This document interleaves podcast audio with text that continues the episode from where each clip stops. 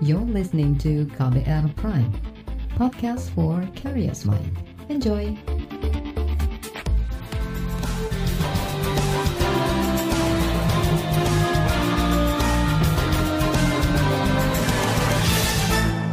Halo selamat sore saudara, apa kabar Anda sore hari ini? Kembali saya Reski Mesanto hadir di KBR Sore. Hari ini tanggal 15 November 2022. Saudara, transformasi dan transisi dari energi fosil ke energi hijau atau green economy menjadi salah satu pembahasan di konferensi tingkat tinggi atau KTT G20 di Nusa Dua Bali. Pembahasan tersebut diharapkan menghasilkan kesepakatan yang nantinya dapat diterapkan demi tercapainya target ekonomi hijau. Lantas bagaimana proses pembahasan tersebut dan apa saja komitmen dari negara-negara anggota G20 untuk menerapkan ekonomi hijau? Mampukah KTT G20 mencapai transisi energi yang adil dan berkelanjutan secara global? Kita bahas selengkapnya di KBR sore.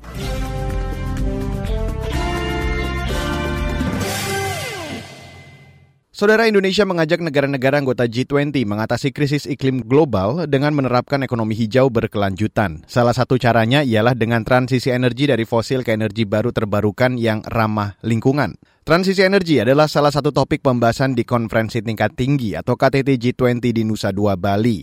Dalam kesempatan itu, Presiden Joko Widodo menawarkan puluhan ribu hektar lahan di Kalimantan Utara untuk industri energi baru terbarukan kepada investor dari negara-negara anggota G20. Pernyataan itu disampaikan Jokowi saat berbicara di forum B20 Summit di Nusa Dua, Bali. B20 adalah rangkaian dari kegiatan di KTT G20. Yang berkaitan dengan ekonomi hijau, sudah sering saya sampaikan bahwa potensi energi baru terbarukan, renewable energy di Indonesia itu sangat besar. Ada potensi 434 ribu megawatt, baik dari hidropower, baik dari geothermal, baik dari solar panel, baik dari angin, baik dari tidal wave, semuanya ada.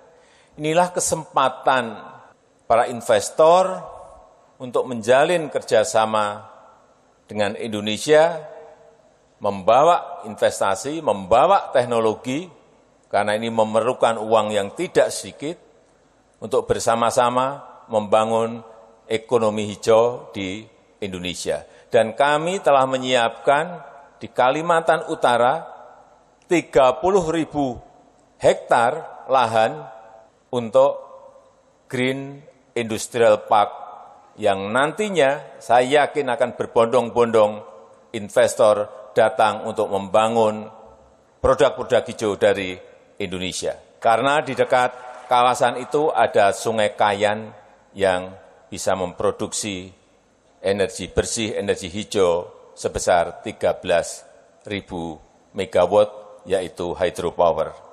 Presiden Jokowi menambahkan Indonesia juga akan membangun ekosistem ekonomi hijau berupa baterai EV atau baterai listrik untuk mobil listrik. Selain itu, Indonesia juga akan menghentikan industrialisasi bahan-bahan mentah. Yang pertama, hilirisasi, industrialisasi.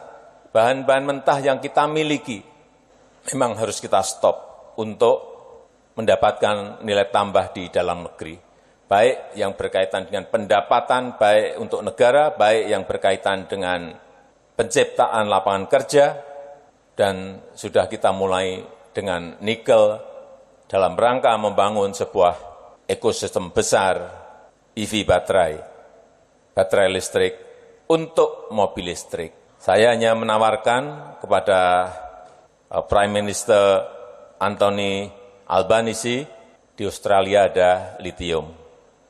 Kita punya nikel. Kalau digabung itu sudah jadi baterai mobil listrik. Tapi saya minta kepada Perdana Menteri Albanisi untuk litiumnya bisa dibawa ke Indonesia saja. Saudara itu tadi Presiden Joko Widodo. Salah satu daerah di tanah air yang akan menerapkan prinsip ekonomi hijau adalah wilayah ibu kota negara Nusantara di Kalimantan Timur. Menteri Koordinator Bidang Perekonomian Erlangga Tarto menjelaskan secara singkat konsep tersebut. Transformational business must also encapsulate sustainability. Transformasi bisnis juga harus bersifat berkelanjutan yang memerhatikan prinsip environmental, social, and governance atau ESG. Pendekatan ini yang juga diadaptasi pada rencana kita membangun ibu kota negara di Kalimantan Timur, Nusantara, yang juga menggabungkan keberlanjutan mobilitas cerdas, kota pintar, infrastruktur berkualitas, dan sumber daya manusia. Kesempatan juga harus berlimpah untuk anak-anak kita dan cucu kita. Indonesia telah mampu melewati revolusi hijau dan menghindari kelaparan, kemiskinan melalui inovasi produk agrikultur. Di masa depan, kita juga harus menyiapkan revolusi hijau dan inovasi untuk melakukan transformasi besar melalui digital ekonomi yang melindungi planet dan masa depan kita. Kami mengundang Anda semua untuk menjadi bagian dari transformasi Indonesia. We invite you to be part of Indonesia transformation.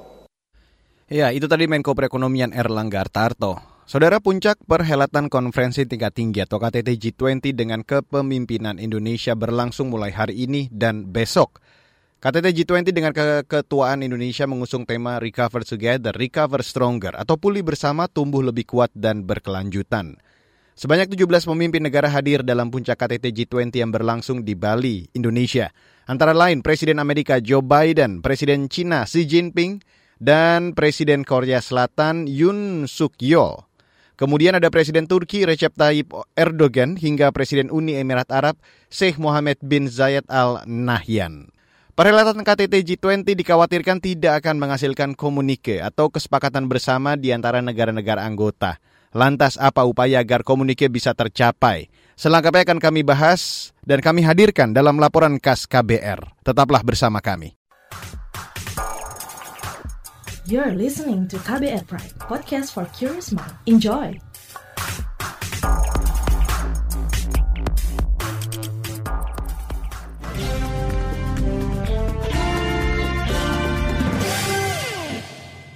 Saudara, belasan kepala negara dan pemerintahan menghadiri konferensi tingkat tinggi KTT G20 di Bali. Kehadiran para pemimpin dunia itu diharapkan menghasilkan komunike bersama untuk memberi arahan solusi masalah strategis dunia, mulai dari perang Rusia-Ukraina, krisis pangan sampai krisis energi. Ketidakhadiran Presiden Rusia Vladimir Putin ditengarai bakal menggagalkan tercapainya komunike bersama. Simak laporan yang disusun Roni Sitanggang yang dibacakan Aika Renata. Presiden Joko Widodo menekankan pentingnya mengakhiri perang. Presiden menyampaikan itu saat membuka konferensi tingkat tinggi KTT G20. Kata Jokowi, forum pertemuan negara-negara G20 yang berlangsung di Bali ini tidak boleh gagal. Presiden menekankan pentingnya komitmen serta kolaborasi negara-negara G20. If the war does not end, it will be difficult for the world jika perang tidak berakhir, akan sulit bagi dunia untuk bergerak maju. Jika perang tidak berakhir, akan sulit bagi kita untuk bertanggung jawab atas masa depan generasi sekarang dan mendatang. Kita seharusnya tidak membelah dunia menjadi beberapa bagian. Kita tidak boleh membiarkan dunia jatuh ke dalam perang dingin lainnya.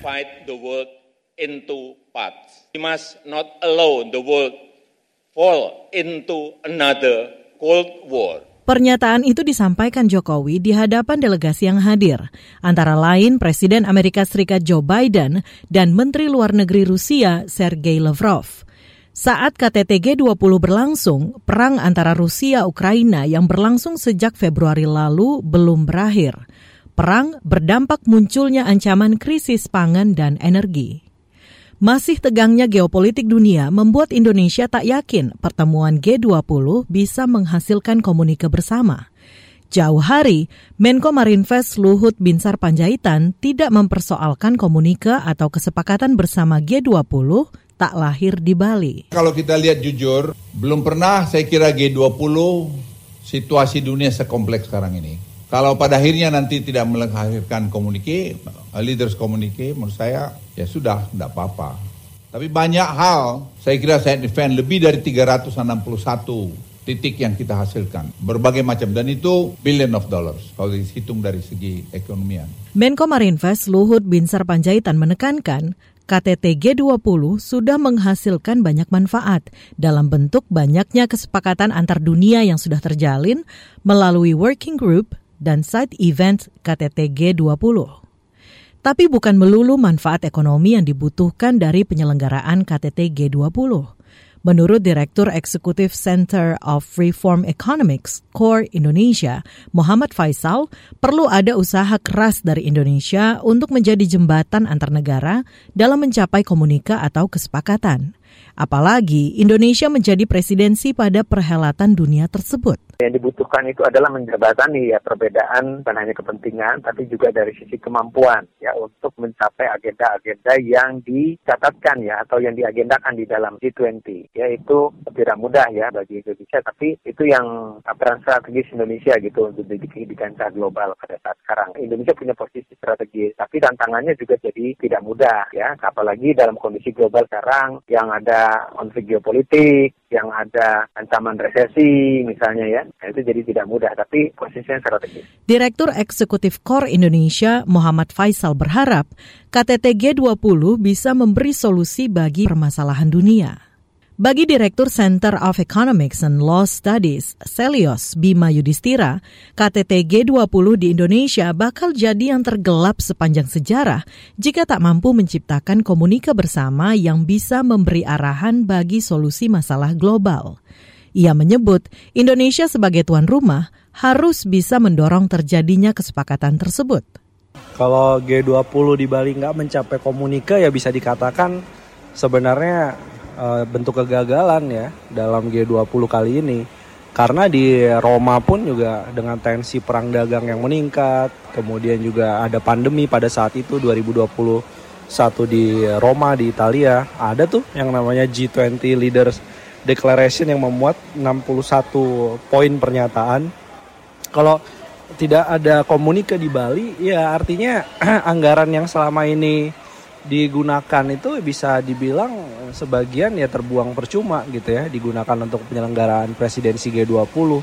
Direktur Selios Bima Yudhistira menyebut kalau tidak menghasilkan komunikasi bersama, pertemuan para pemimpin dunia di Bali ini menjadi yang paling gelap dalam sejarah penyelenggaraan konferensi tingkat tinggi G20. Laporan ini disusun Roni Sitanggang. Saya Aika Renata. Dan saudara, Aktivis lingkungan Walhi juga mengkritisi komitmen Indonesia terkait ekonomi hijau yang disampaikan di KTT G20. Apa saja kritik yang disampaikan Walhi? Informasi selengkapnya akan kami hadirkan sesaat lagi. You're listening to KBR Pride, podcast for curious mind. Enjoy!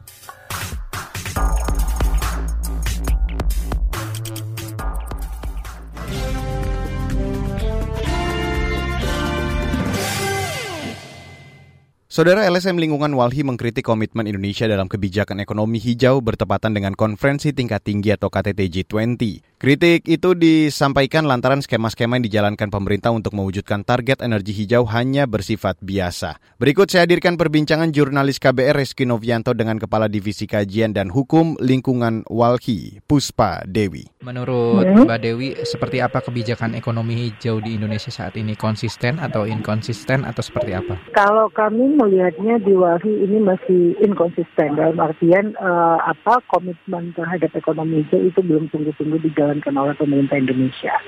Nah ini kita bisa uh, melihat ya dengan izin-izin uh, apa konsesi yang diberikan, kemudian uh, apa uh, penggunaan energi fosil yang itu juga masih menjadi uh, apa menjadi salah satu uh, fokus pemerintah Indonesia. Nah, uh, kita tahu bahwa uh, fosil itu ya salah satu yang menyumbang uh, emisi hari ini, yang menyumbang uh, terhadap krisis iklim hari ini dan uh, kita juga masih melihat uh, apa program-program uh, ataupun proyek dari uh, pemerintah Indonesia yang itu belum uh, mengarah ya uh, apa uh, ekonomi hijau yang uh, yang tentu saja berkeadilan dan berkelanjutan. Jadi kalau kita masih melihatnya ini belum uh, sungguh-sungguh ya menerapkan apa yang kita sebut dengan ekonomi hijau. Uh, kalau dilihat sih lebih uh, lebih cenderung ataupun lebih banyak dengan uh, ekonominya dibandingkan dari aspek uh, keberlangsungan uh, ekologis, keberlangsungan uh, lingkungan hidup ke depan yang juga dia sejalan dengan demokrasi dan hak asasi manusia. Menurut Mbak Dewi, seberapa penting kebijakan ekonomi hijau yang jadi investasi di masa depan? Apakah memang yang dilihat saat ini uh, fokusnya hanya investasi semata?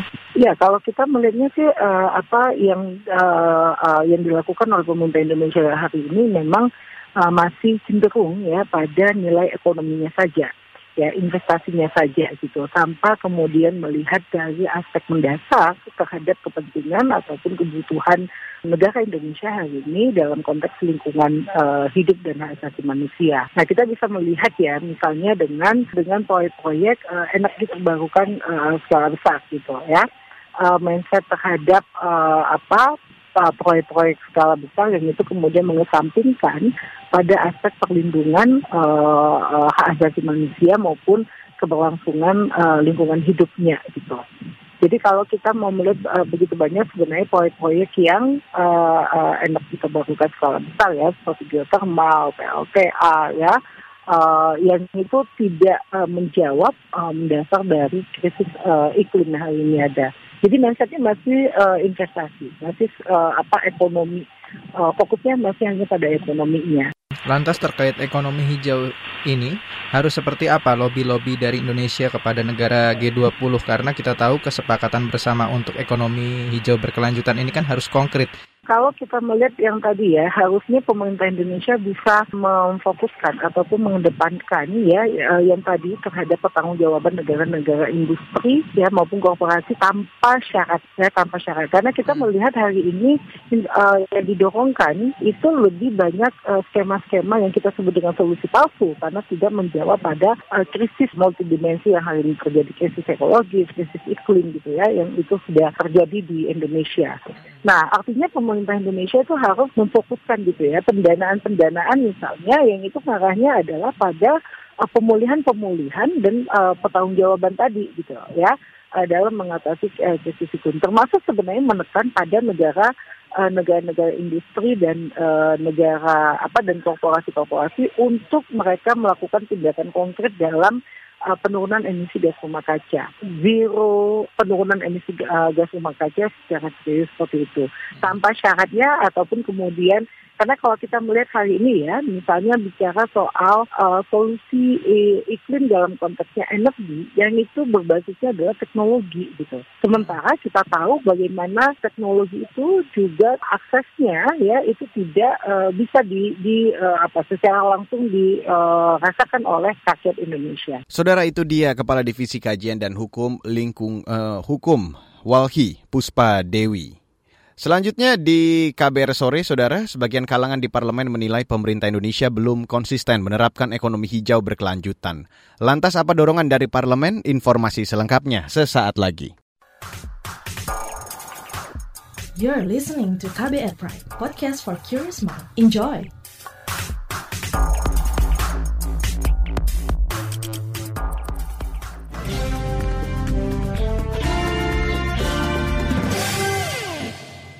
Saudara, sebagian kalangan parlemen mengkritisi janji pemerintah Indonesia yang akan mendorong ekonomi hijau atau berkelanjutan. Komisi Bidang Lingkungan DPR menilai Indonesia belum konsisten menerapkan ekonomi hijau yang berkelanjutan di tanah air.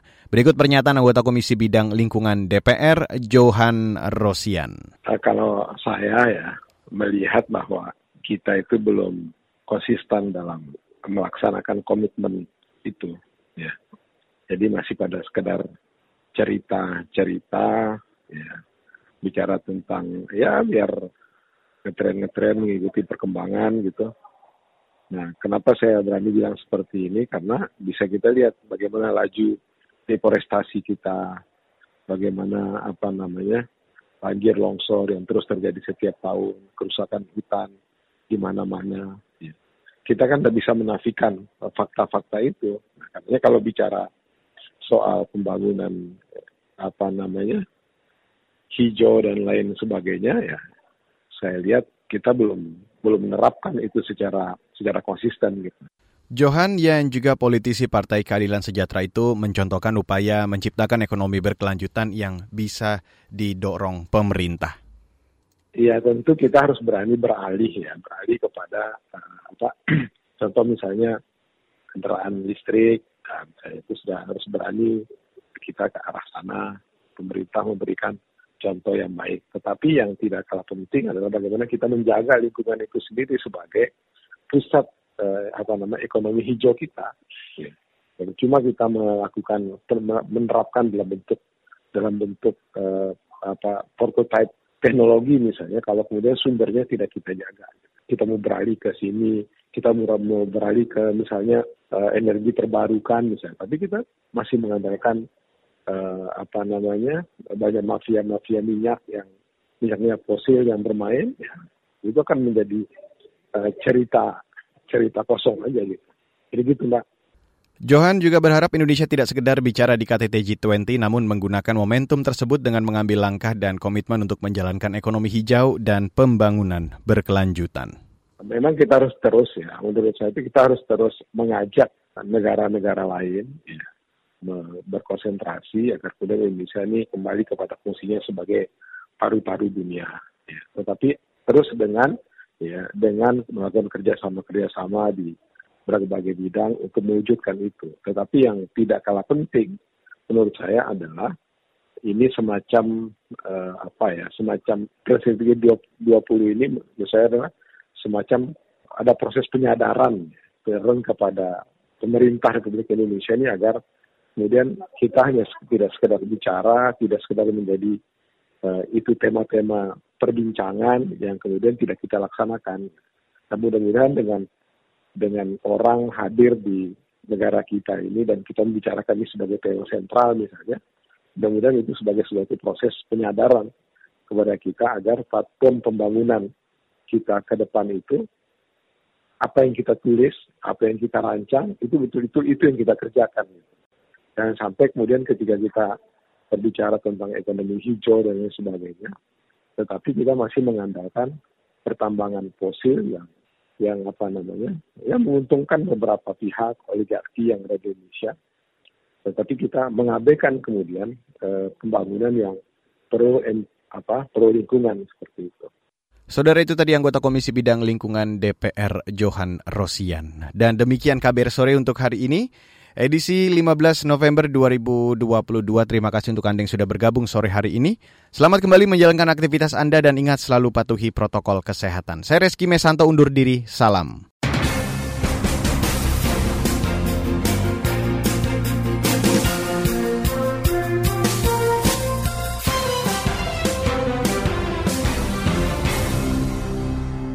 KBR Prime, cara asik mendengar berita.